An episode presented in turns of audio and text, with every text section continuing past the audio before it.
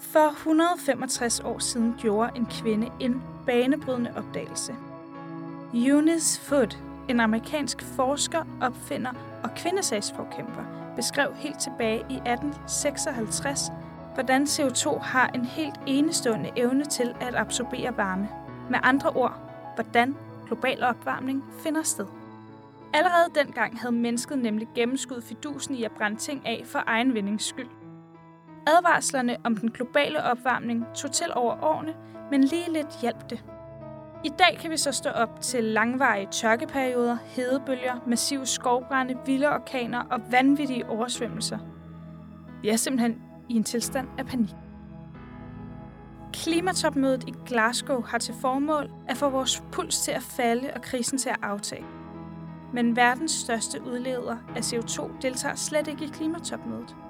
I Kina er man i stedet i gang med at åbne nye kulkraftværker for fuld drøn. Faktisk har de i Kina tænkt sig at øge forureningen helt frem til 2030. Hvad har de gang i i Kina? Og hvad skal det hele egentlig nytte, hvis den store drage insisterer på at fortsætte med at spy ild? Jesper Tejlgaard, velkommen. Tak skal du have.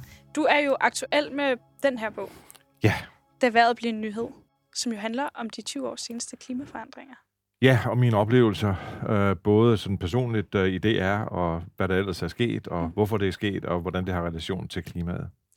Og i dag har jeg inviteret dig ind, fordi vi skal have en status på den seneste COP. COP 26. Den er i gangværende. Den er i gangværende. Ja. Hvordan går det egentlig med den? Jamen, det går sådan rimeligt øh, i den forstand. Nu er de jo halvvejs, og det er jo klassisk, at øh, øh her midtvejs, så er der sådan en form for statusopgørelse, hvor man kan sige, hvordan gik den første uge så, øh, hvor man jo havde statslederne øh, på de første par dage, sådan ligesom til at kaste lidt glans over øh, Glasgow og, og COP26. Og så er der jo så lavet nogle, øh, nogle delaftaler, som jo på papiret i hvert fald ser, øh, ser interessante ud. Altså, vi har en skovaftale, øh, som gør, at man øh, gradvist vil, øh, vil forhindre skovrydning mm. i øh, nogle af de vigtige lande. Øh, Brasilien øh, blandt andet, øh, og det, det er jo ret interessant, at øh, Bolsonaro han øh, gik med til det. Så har vi en aftale på udfasning af kul, øh, men det er jo så for lande, som, øh, altså hvor vi i hvert fald mangler nogle af de vigtige. Vi mangler Australien, vi mangler Kina, vi mangler USA. Øh, så det, er selvfølgelig en interessant nok aftale, at den ligger der, øh, men, øh, og kan virke som inspiration til andre, men øh, det måtte gerne have været lidt mere omfattende. Og så er der selvfølgelig øh, udmeldinger om øh, reduktion af drivhusgasser, som øh, jo på papiret også er, er, er vigtigt, og det er jo dybest set øh, den, en af de vigtige ting, de har på papiret øh, i Glasgow, det er, at vi skal have reduceret udledningerne, og det skal ske meget hurtigt. Øh, og der afventer jeg, øh, at der kommer lidt mere på banen. Jeg vil meget, meget gerne have, at øh, det mål, de er, forløbig har sat, at det bliver forøget. En af dem, der ikke er mødt op til koppen, mm. er jo Kina. Ja. Og hvordan Altså, er det ikke lidt problematisk? Altså, Kina er jo en uh, utrolig vigtig spiller i det her sammen med, med USA. Uh, det er de to uh, væsentlige udledere. Uh, man kan sige, at uh, Kina er jo repræsenteret med en stor delegation, mm. men der er jo naturligvis et uh, uh, noget signalværdi i, at uh, chefen kommer, at nummer et kommer, mm. uh, og når han så vælger at blive hjemme, øh, hvor han selvfølgelig kan med virtuelt, øh, og det er muligt, at han har været det, øh, så er det alligevel øh, lidt et øh, tilbageslag, synes jeg, at øh, han ikke møder op. Fordi det kunne antyde, at Kina ikke vægter det her så højt, øh, som vi gerne havde set, de gjorde. De er jo meget progressive på øh, vedvarende energi, øh, men er jo også nødt til, siger de i hvert fald, at øh, bruge masser af kul stadigvæk, og de vil jo først begynde at udfase kullene øh, sidst i 20'erne. Lene Vinter, du er jo Berlingskes Asien-korrespondent og tidligere vært på Kina-snak på 24-7 og korrespondent i Kina. Hvorfor tror du, at Kina ikke er mødt op? Det er et rigtig godt spørgsmål, som mange stiller sig selv i øjeblikket. Så jeg tror, at der er flere øh, svar på det spørgsmål. Øh, det mest hvad kan man sige, åbenlyse er, at Kinas præsident Xi Jinping han har ikke været uden for landet i 21 måneder. Og det skyldes øh, muligvis øh, coronapandemien. Derudover er der også øh, øh, et andet og sådan lidt større øh, spørgsmål eller forklaring på det, og det kan være, at der også der er sådan ved at ud, øh, udvikle sig en slags en bunkermentalitet i Kina. Altså Kina lukker sig sådan lidt mere og mere om sig selv. Kina var heller ikke med til G20-topmødet, øh, øh altså Xi Jinping var ikke med der, og til øh, øh COP26 i Glasgow, der sendte han faktisk bare en note. Han var ikke engang med øh, virtuelt. Og jeg tror, at man skal tage det som et tegn på, at øh, Kina måske tjekker lidt ud af de her internationale øh, fora, hvor øh, Vesten, de vestlige ledere dominerer. Og så tror jeg, man fra kinesisk side synes, man har meldt sin klimamål klart ud. Altså man har tænkt sig at, øh, hvad hedder det, at toppe øh, CO2-udledningen i 2030 og skal være CO2-neutral i 2060. Og det er øh, muligvis så langt, man har tænkt sig at give sig i øjeblikket. Hvordan har kineserne det med, med klimaforandringer?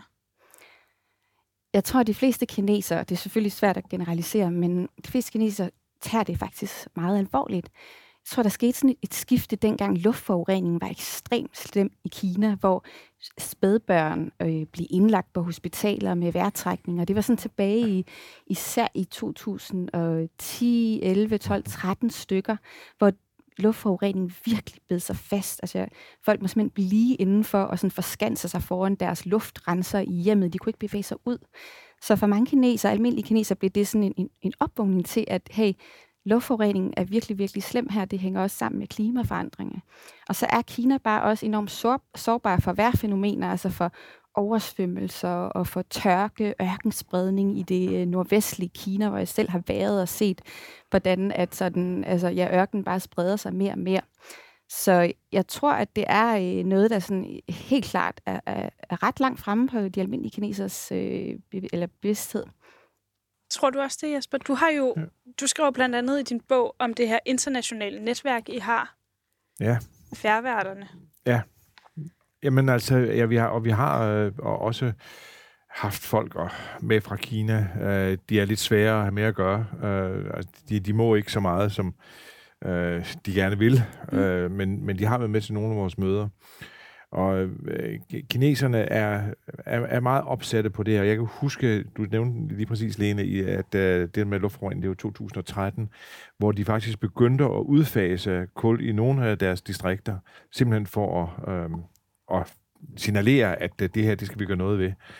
Øh, så jeg, jeg er sådan set enig med, øh, med Lene i, at, at øh, Kina vil på sin vis gerne, øh, og de har også en, en fin agenda med det, og jeg tror også, at kineserne er sådan meget personligt berørt egentlig, at uh, nu så vi her store oversvømmelser her i, uh, i år uh, i den centrale del af Kina. Mm. Og det er jo voldsomme ting, øh, der foregår. Nu er øh, Kina er selvfølgelig påvirket meget af, af kystlinjen og, og, og monsunen ja, der i den sydøstlige del. Um, og det giver jo voldsomt meget vand, og hvis deres infrastruktur ikke kan bære det, så får de de der oversvømmelser, uh, som, uh, som andre dele af Sydasien og Sydøstasien jo præcis også får. Så øh, altså, jeg har svært ved at se, hvorfor Kina ikke skulle deltage aktivt øh, som sådan. Men der kan sagtens være en, noget stor politik i det der. Det, jamen, altså, det er Vesten, der kører det der. Vi holder os sådan bare lige en smule på afstand. Ja.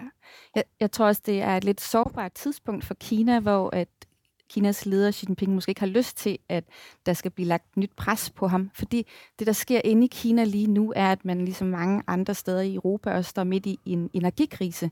Altså man har simpelthen problemer med at få energi nok. Og derfor har man faktisk bedt øh, de kinesiske kulkraftværker om at fyre ekstra meget op for kullet. Så i øjeblikket bliver der skruet bare ekstra meget op for, for de kinesiske sorte forurenende kul. Åh oh, nej, Jesper. Og, Ja, og det er jo ikke særlig godt, når man også har en plan om på sigt at udfase kullet. Så derfor øh, er det bare et, et sårbart tidspunkt, fordi hvis der er noget, der er vigtigt for det kinesiske lederskab, så er det at holde julen i gang derhjemme, holde væksten i gang, sørge for, at kineserne har energi og el nok, at de ikke, øh, hvad kan man sige, lider nød, og at, øh, ja, at der er fremdrift i økonomien. Og hvis det så koster, at man så bliver nødt til at skrue op for kulforbruget, så er det den pris, som lederskabet gerne vil betale. Jamen, det er jeg sådan set enig i, øh, og, og vi ser det jo også andre steder. USA har jo lidt det samme problem, øh, hvor de jo også øh, øger brugen af kul. Australien jo, øh, der ikke mindst. Øh, så det er en utrolig vanskelig tid, vi er, vi er i. Vi skal helst neddrosle mængden af, øh, af drivhuskasser, af, det, der bliver udledt. Øh, og samtidig så er behovet for energi så gigantisk, og det er jo øgende. Øh, og der er jo også nogle, nogle fuldstændig vanvittige eksempler på, øh, altså bitcoins, når man skal lave dem, så skal kræve det nærmest et helt kulkraftværk, altså mm. for at køre de der store computer. Det er jo fuldstændig sindssygt øh, i mine øjne, at man øh, tillader den slags. Men øh, det er jo øh, noget, som vi nok ikke rigtig kan gøre noget ved.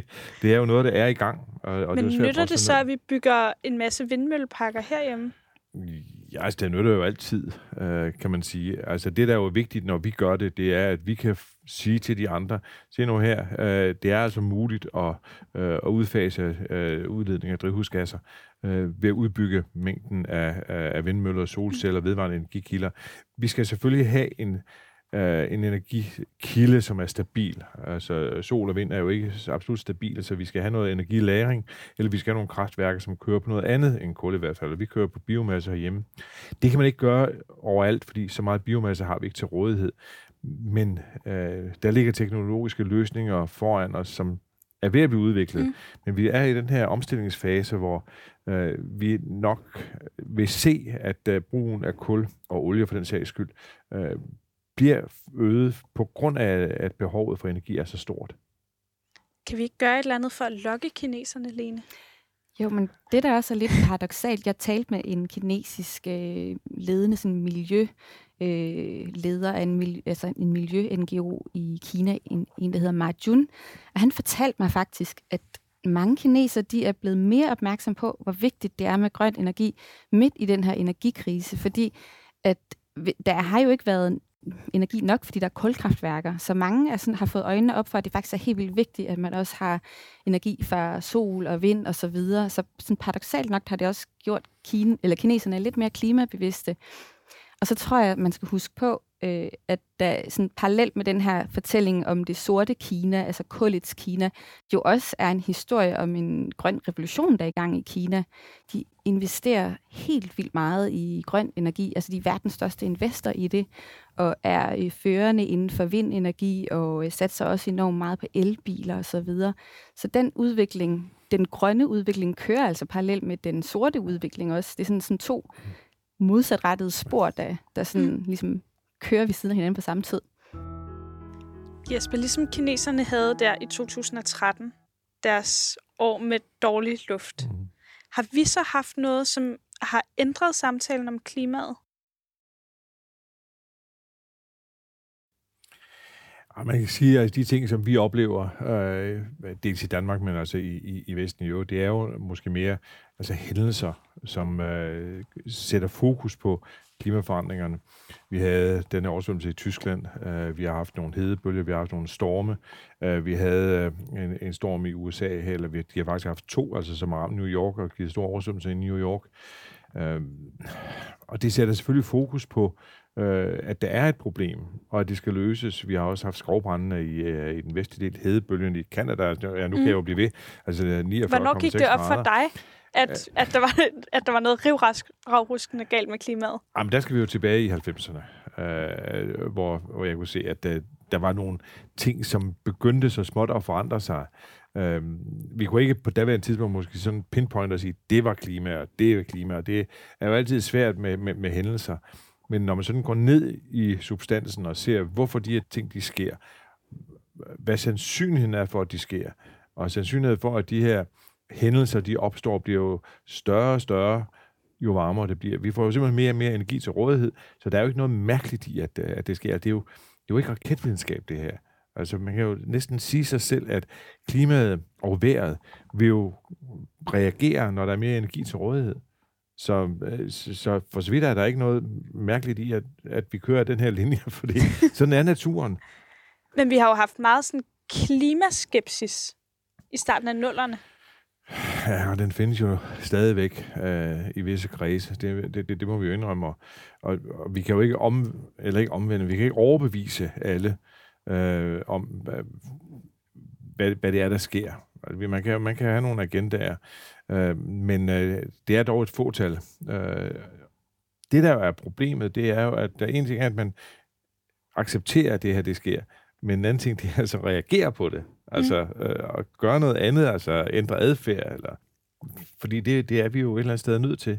Men man vil jo helst ikke gøre det, uden at naboen også gør det. Altså, oh, det, er jo, det, og det er, jo, jamen, det er jo sådan, det er. Altså, og så har vi den der not in my backyard. Nu har vi jo øh, kommunalvalg her, og, og, og det kan man jo høre rundt omkring i kommunerne, at øh, jamen, vi vil sådan set meget gerne have de her solceller, men de skal altså ikke stå lige der. Og, eller vi skal, og jeg vil ikke, jeg gider ikke se på de vindmøller der, de skal længere væk. Og, altså sådan nogle argumenter har man jo. Øh, men der er jo der, der er masser af andre ting, synes jeg, som øh, er fuldstændig håbløse i uh, den øh, øh, strategi, der sådan set er lagt. Vi har en infrastrukturplan, som jo øh, heller ikke øh, lever op til, til klimamålsætninger. Vi har gået hjælp med øh, tanker om en Kattegatbro, som er oh, mest tåbelige af nogle det, men det er en helt det anden diskussion. Ja, men jeg bliver, ja, nu kører jeg så ud af en tangent, og det skal jeg være med. er, det, er vi lige så slemme som Kina i virkeligheden, Jesper? Jamen, problemet det er jo, at uh, vi henholder os jo til, at uh, CO2-regnskabet for de her bygningsværker, hvis vi nu lige skal holde os dem med motorveje og sådan noget, at, at det går under kvoteordninger. Og så skal det ikke medregnes. Men der er jo de facto den her udledning. Og, og det er altså sådan noget, øh, noget regnskabsteknisk, øh, som jeg, jeg synes, man øh, skal øh, lade være med, fordi øh, vi er nødt til at have tallene på bordet. Vi er nødt til at se, hvad der rent faktisk sker, og hvad vi rent faktisk gør. Så, så nej, vi er da ikke, øh, vi er da, vi er da ikke så gode, som vi gerne vil gøre det til. Men det er jo også lidt interessant, fordi altså Kina er jo, som I ved, ikke et demokrati. Mm. Øh, der har man jo, altså det er jo et autokrati, hvor man har mulighed for altså, implementere nogle ting uden at spørge nogen. Så det, du forklarer, ja, Jesper, ja. det er jo sådan, det, det er jo så i Kina, der kan man jo bare gøre ting, og der kan man jo mm. lægge nogle lange planer for, hvordan altså, tingene skal være, og så behøver man ikke skille så meget til, at der er sådan protestgrupper og så videre, øh, som gør oprør mod det. Men man kan så sige alligevel, altså når man så taler om kul, altså hvorfor udfaser man så ikke bare kul, når man, er, mm. altså, når man har magten til det, fordi der ikke er nogen, der udfordrer magten. Men det er så også fordi, at altså, kulindustrien i Kina er bare enormt magtfuld, og almindelige jobs, eller almindelige menneskers job er på spil. Og det tager man så også hensyn til, altså fra de kinesiske lederskabs side. Så der er sådan stadigvæk øh, nogle hensyn, der skal tages i Kina, selvom det ikke altså, er et demokrati, ligesom ligesom og det, her og, i Danmark. Og det, og det er jo præcis rigtigt, at der er så mange andre hensyn, end bare lige den her øh, CO2-forurening. Øh, vi ser det jo i Australien, vi ser det også i USA, for nu at tage de to store, der, at, at arbejdspladser øh, har altså en kæmpe stor betydning for, at dem, der nu sidder på magten, at de kan bibeholde magten. Altså, de skal jo genvælges på et eller andet tidspunkt, og vi, vi så med Trump, at han ville genåbne kulminerne for ligesom at, at, at få, få magt så, så kul betyder stadigvæk desværre en hel del. Så kullet er simpelthen vores største fjende? Ja, det er jo den værste udleder. Altså, det er jo, det er jo, det er jo den største øh, udleder af CO2, det er jo, når vi afbrænder kul. Lene, her til sidst. Som Kina-ekspert, kan du så ikke give en eller anden form for godt råd til, enten hvad man skal læse, eller hvad man kan gøre for at få kineserne til at lægge kullet fra sig? Oh. Hvad man skal gøre for at få den til at lægge Det vil du da også gerne vide, Jesper. Ja, det vil jeg et, godt nok, ja. et, et svært spørgsmål. Altså, jeg tror måske nok, det skal ske på et eller andet tidspunkt, men spørgsmålet er bare, om det kommer til at ske for sent i forhold til, altså, hvis vi gerne vil holde temperaturstigningerne på det niveau, vi gerne vil. Øhm, så det kan nok ikke helt svare på, hvad man skal gøre. Øh, bliv ved med at tale med kineserne og prøve at lægge pres på dem, synes jeg. Altså åben dialogen, hold den i gang. Det tror jeg er helt vildt vigtigt. Og så har jeg faktisk taget en bog med, hvis man gerne vil forstå Kina bedre. Det handler overhovedet ikke om, om klima eller noget som helst. Det her det er en af Kinas øh, største forfattere, der hedder Yuhua. Og han var faktisk tandlæge. Han var uddannet som tandlæge, men blev vildt træt af at, at, at kigge ned i folks munde og hive tænder ud osv. Så, videre. så han besluttede sig for, at han skulle lave noget helt andet. Så blev han forfatter. Og en af de bøger, han har skrevet, er den her Kina i 10 år, hvor han simpelthen har inddelt kapitlerne i 10 forskellige ord, som han sådan tematiserer over med udgangspunkt i sit eget liv. Og det er sådan ord som leder, øh, revolution, græsrødder, kopi, bluff og folket. Og hvis man har lyst til at vide noget mere om Kina, så synes jeg, det er en rigtig god øh, introduktion øh, af en af de bedste forfattere i Kina, som, som man altså kan læse øh, i den her bog, sådan rimelig sådan let og, og hurtigt læst, men alligevel med masser af kød på og substans af den tidligere tandlæge Yuhua. Fantastisk. Jesper, hvis man skal forstå klimaet. Og nu må du ikke sige din egen bog, for den har jeg tænkt mig at sige. nej, men jamen, der er jo masser af bøger om, øh, om klima. Noget af det, jeg øh, synes er så interessant, det er, når andre grene af, af vores litteratur går ind i, i, i klimadiskussionen. Øh, og når kunsten gør det, altså om det er så billedkunst, eller om det er teater, altså noget, fordi det, det giver nogle andre øh, Øh, metoder til at komme ind i folks hoveder øh, for, for at, at beskrive den her problemstilling. Der er en bog, som hedder Havbrevene, som jeg er ret begejstret for. Øh, det er en, der hedder Siri Rander Jacobsen, der har skrevet den. Øh, og det, det, det er en meget lille bog egentlig, men den handler om, at Atlanterhavet og Middelhavet skriver til hinanden øh, i, i, i brevform, fortæller hinanden, hvad der sker, øh, om krybet, som jo er menneskene, øh, hvad de gør. Øh, og det er jo en... Øh, en, en interessant måde at se tingene fra naturens side på. Øh, altså man, man kommer ligesom om på den anden side. Øh, men ellers er der jo øh, øh masser af, af gode bøger. Der er en bog, som øh, Zetland har udgivet, Hvis vi vil, øh, som er også sådan en, øh, ja, man kan jo kalde det en antologi over øh, forskellige steder i verden, men øh, man gør forskellige ting. Bill Gates øh, har, har skrevet en, øh, en bog, som jeg kan... Øh, øh jo, den er, den, den er okay. jeg, jeg, er ikke, jeg er ikke så vild med den, men øh, den, øh, øh, den, den kommer også ned i, øh, i substansen øh, på, øh, på, på mange steder. Så man kan sagtens finde gode klimabøger, og der er også bøger, øh, klimabøger for børn. Øh, så så der, der, der er god litteratur rundt omkring, øh, og god kunst, som øh, tager det her op. Tænk, hvis det er kunsten og litteraturen, der redder os fra Kina og klimaet. Det vil da ikke være første gang, at uh, kunsten den redder os. det kan man håbe. Tusind tak, Jesper Tejlgaard, og tusind tak, tak. Lene Vinter. Selv tak. Du har lyttet til Bliksen eller Kaos. Bag programmet stod Peter Lindskov Pedersen, Michelle Tubæk Kram, Jonas Kappel Lund og jeg, din vært, Sissel Astrid Kirtomor. Tak fordi du lyttede med.